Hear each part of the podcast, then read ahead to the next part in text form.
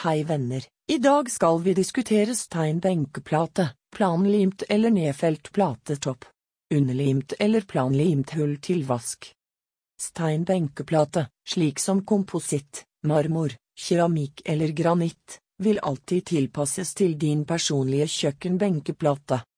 En platetopp kan fås som planlimt, også kjent som flush, eller som overlimt. Les, nedfelt, utførelse.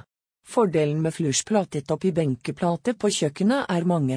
Du unngår overgang og du ser flottere ut, samtidig vil det unngås at skitt og smuss samler seg rundt platetoppen.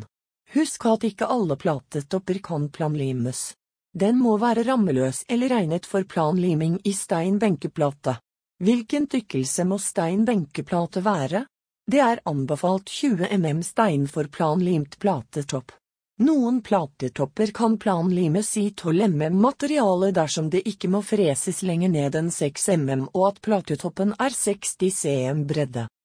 Vask kan monteres som underlimt, planlimt eller overlimt. Det mest praktiske valget er planlimt vask i stein benkeplate. Da har du verken kant på topp eller i bunn av benkeplaten hvor det kan samle seg skitt og smuss. Ved planlimt vask i stein benkeplate er det vaskåns som tar imot et støt og ikke benkeplatens innerkant som i f.x underlimt. Silgranittvasker må freses ned ca 10 mm og er anbefalt i 30 mm tykkelse som standard. Stålvasker kan fint planlimes i alle tykkelser, også ned mot 12 mm tykkelse.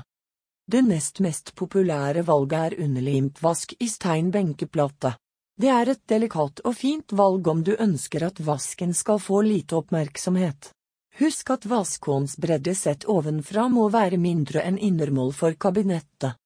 Hos oss får du planlimt, underlimt eller den utførelsen du ønsker i din keramikkbenkeplate eller komposittkjøkkenbenk. Vi har også granittbenkeplate på lager som kan tilpasses alle utførelser. Takk for at dere hørte på.